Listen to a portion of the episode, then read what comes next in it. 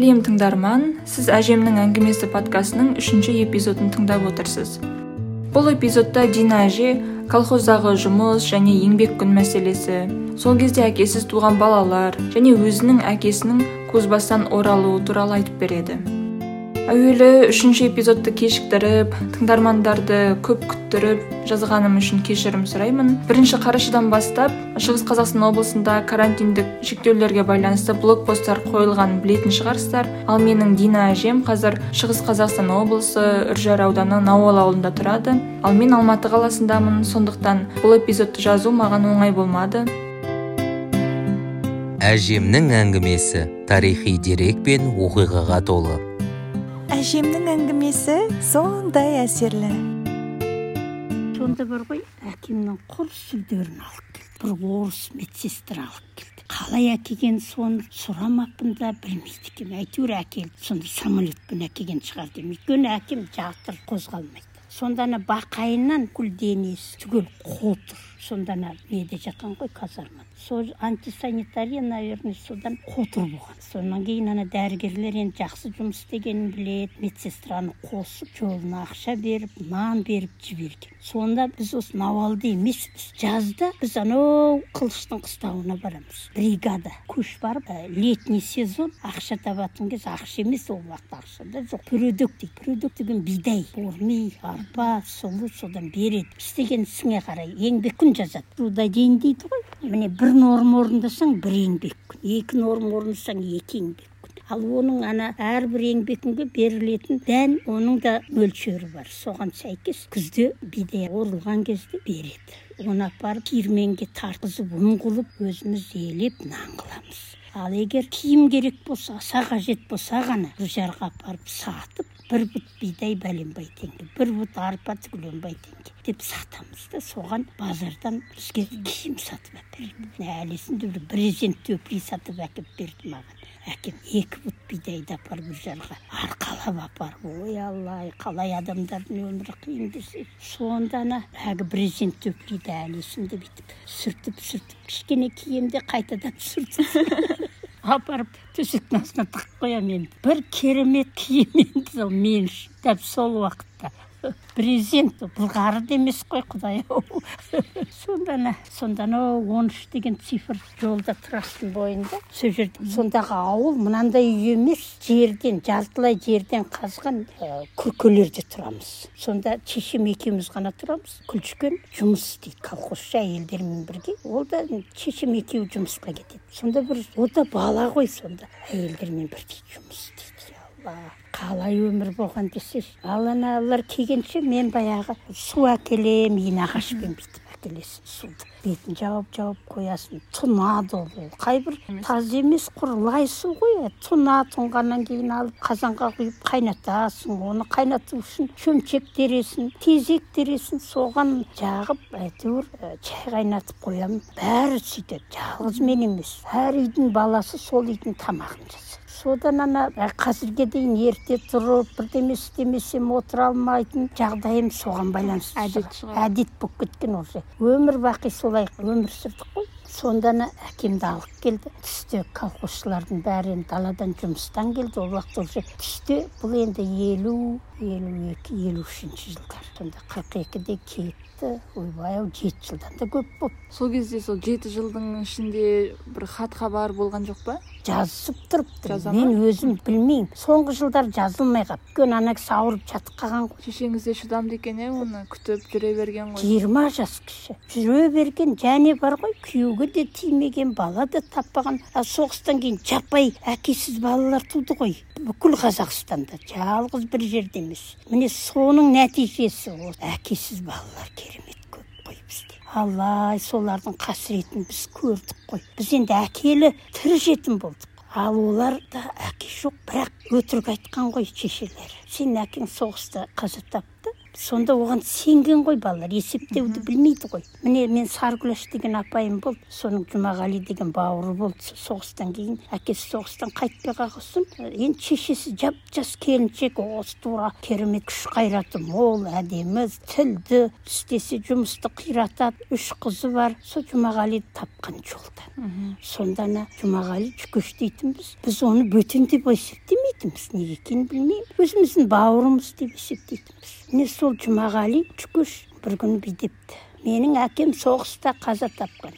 соны бір қушкеш өзінен пысықтау бәрін жылдам ойлайтын жүрсін деген жолдасы болған ғой. Әй жүкеш сенің әкең қай соғыста өлген ұлы отан соғысы омаров айтты ғой сырайыл аға. Ұлы отан соғысы деген соғыс болған деп. Ол қашан болды? қырық бір қырық бесінші. Сен қай жылы тудың мен елу үшінші жылы. Сонда қалай? Соғыстан қайтпайды сен елу үшінші жылы қалай туып жүрсің содан кейін анау ойлана бастайды. Содан шешесін қинайды ертегіде солай айтылады ғой. Ыстық бидайды қолына басқанда иман неше түрлі қылып айтады. Менің әкем кім деп? Содан енді айтқызады ғой айтпай қояды ана. Шешесі қашады апайым әлгі мен күләш деген. Ол енді өзінің туған әкесі ғой ана. Ал ананың тумаған қоры. Бірақ сенің әкең тоққаран бейсенбай деп үйретіп қойған. Содан кейін ыза болғаны сондай. Шындығын біле алмай өзін алдағанға қатты киген бала не істеген деші балтаны алып әлгі мен сандығым сияқты сандығы болған ғой енді шешесінің. Өлгенде бересіңдер деп шүберек жинаған ғой. Сендер үлестіресіңдер ғой мен өлгенде. Бірақ оған карантин болмаса екен өзі.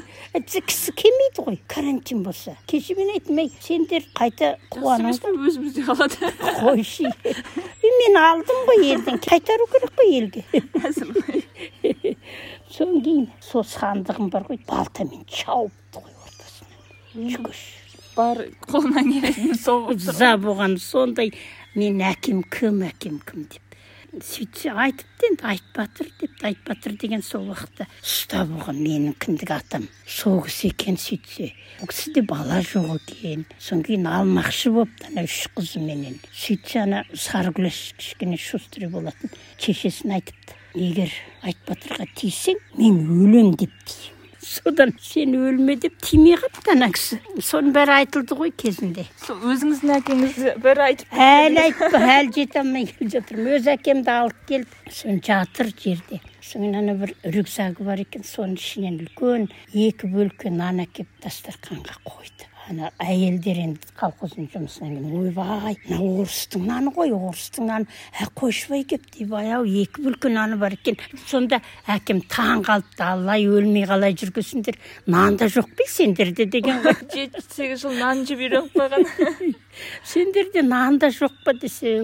Ой бізде қайдағы нан әлі бидай пысқан жоқ. Біз көк бидайды қуырып жейміз деп әкеп шашып шашып әркім өз үйінен әкеп. Күнделікті алып келеді біз қуырамыз соны шашып дастарханға сонымен бәрі отырып шай ішкен ғой енді. Ойбай әйем келді деп біз жүгіріп жүрміз. Қойшекең келіпті деп үлкендер жүгіріп жүр. Соны ана орыс сөйледі. Әкем сөйледі басынан не өткенін сонан кейін әлгі орыстың әйелі қайты үйіне. Шешем күнде ана кетпенді арқалап сен әйең жанында отыр мен жылан іздеймін деп ана далаға ен далаға жылан іздеп кетеді. Сонда біреулер айтты мынау жылан көз деген қотыр қотыр бұл текті жара бұл адамды алып жығады бұған ем жыланды өртеп соның күлін майға қайнатып майға араластырып жақсаң кетеді сонда шешем жылап жүремін дейді кетпенімді арқалап жалғызды жерде жан қалады ерменді жерде ер өлмейді деуші еді. Құдай ау көшекеме бір жыланды кезіктіре көр құдай ау оны өртеп апарып жақсам кетіре көр жақсы көрген ғой енді өзін қатты сыйлаған жиырма жас кіші біреудің жалғыз қызы ол да. Соны алған ғой енді кезінде ол он алтыншы жылы алды. Тура революция болып жатқан кезде үйлендік дейді ғой. қызық қылып айтады оның бәрі әңгімесі. Сондай ертегі сияқты мен үшін. Сонан кейін сонан кейін деп сұраймын ғой. Сонымен? Жыланды табады. Кетпенмен басын шабады. И апарып бір жерге үстіне әлгі бұталарды салып өртеп оған әбден нетіп болғанша суып болғанша отырады жанында. Енді ананың күлін ептілігінен бір қағазға салып алу керек қой. Көп күлдің ішінен. Соны әкеп ол бір жылан емес бірнеше жылан ел әкеп береді содан. Енді елдің бәрі естігі соны көмектескісі келеді ғой біріне бірі содан әлгіні жағып неге бірдемеге араластырып сынап қой дейміз. Сынаппенен араластырып май қойдың майыменен араластырып әлгі бүкіл денесіне жағады. Сонда мен әлі әкем алдында отырғанда ылғи мына жерінің бәрі тыртық. Сол тыртығын бүйтіп сипап әй мынау немене десем? Е ол әлгі күзбастың естелігі ғой деп қоятын. Сол жазылады жазылып кәдімгі колхоздың сиырын бағады. Қойын баққан жоқ ылғи сиыр бақты. Сонда мал бағуға ғана келген ғой әбден денсаулықтан айырылған. Бірақ әйтеуір әлгі халықтың арқасында енді әйелінің арқасында шығар мүмкін. Әлгі ә, мені баққан кемпір шал да өледі. Ол өлген кезде де мен шешем көп қиыншылық көреді. Сонда ана күйеуі жоқ қатты келмейтін болды. Балаларының бәрі өліп қалды. Күлшкен екеуміз ғана қиналып зират басына барады екен де жылап жылап ұйықтап қалады екен. Әке шешесінің қабірін құшақтап ұйықтап қаламын дейді.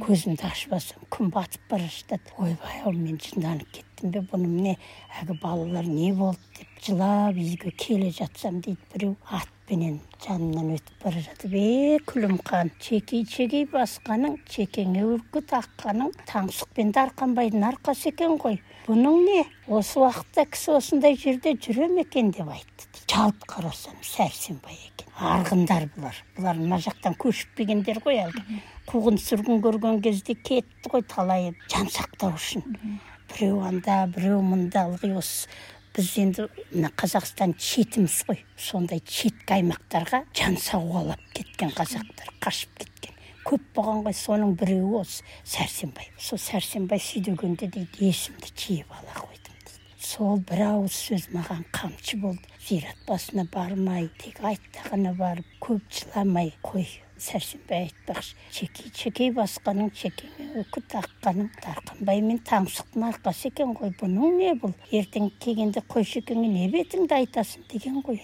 сол намысына тиіп адам болдым дейді ғой өзі айтады. Бірақ ана ауыр жұмыс өзі керемет нәзік сұлу шашы бұйра қалың міне жерден түсетін. Енді красавица болады ел қыз жібек дейді екен. Содан ауыр жұмысты қалмай бишан апамдардан қалмай істеген ғой. Ол кісілер сүйекті денелі ұзын бойлы сақ сұқ еткен әйелдер. Ал мен шешем нәзік адамдар. Сонда ана берген несі нормасы норма береді. Бірдей бәріне бірдей. Бейшанға да күлімханға да бірдей береді. Сонда қалмай атқару үшін тыраштанады ғой адам енді. Тырысып істейді. Асқазан төмен түсіп кеткен. Сонда мен есімді білгелі шешем жұмыстан келеді де жата қалады бір күні шайын қайнатқызсын мені оят ә дейді содан кейін мен от жағып шай қайнатып тәте тұр шай қайнат соны тұрып бір екі шыны ішеді де тұра жөнеледі далаға сары еткізіп қайтып келеді мына асқазан түскесін қорытпайды сразу кетеді сонда қайта қайта мына сөзді айтады бой бермейтін адамдарға әй сені қара тышқақ болмаса ешкім жеңбейді деуші еді қара тышқақ мені бір күні жеңеді ғой. Жаңағы ішкен шайымды апарып төгіп келдім деп отырады. Сонда бар ғой жөндеп тамақ ішпейді. Кешке жақын бір биттей ғана су шелпек жасап береді күлшік ешкілеріміз бар. Соның қаймағынан кішкене салып бір тарелка су шелпек жасап береді. Қалғанын кейіннен енді бұл әлгі дүниенің бәрі қалпына келіп кішкене тұрмыс түзелген кезде кеспе көже жасайды көбінесе. Мен кеспе көжені жақсы көретінмін сол мен енді от жағам әкел дегенін әкелемін апар дегенін апарам. Ол ана көже жасайды. Содан кейін әйелім екеуміз көже ішеміз. Ал тәтем су шелпек ана көжемді іше алмаймын маған жесін десең мынандай бір жапырақ су жасап бер күлшіккен ау дейді. Келеді ылғи ауырып жүреді өстіп ауыра берді ауыра берді. Даже мен он бітіргенде ана үйіміз құлап қалды. Сонда бір кішкентай анау сияқты қора сияқты ас үй бар еді сол жерде тұрдық сонда бүкіл класстың ұлдарын мен помощьқа шақырдым. Сонымен ана үйді салдық. Бұл енді бертін мынау елу тоғыз алпысыншы жылдардағы болған оқиға. Ана біреуіне біреу ауыса береді. Біреу ойыма түссе соны айтып кетемін құрметті тыңдарман осымен көптен күткен әжемнің үшінші әңгімесі тәмам. Динаженің әңгімесінің жалғасын тыңдағыңыз келсе пікір қалдырып подкастты бағалауды ұмытпаңыз. Әдемі мағыналы әңгімелеріміз көп болсын. Махаббатпен тыңдарманға деген үлкен құрметпен динаженің немересі дана.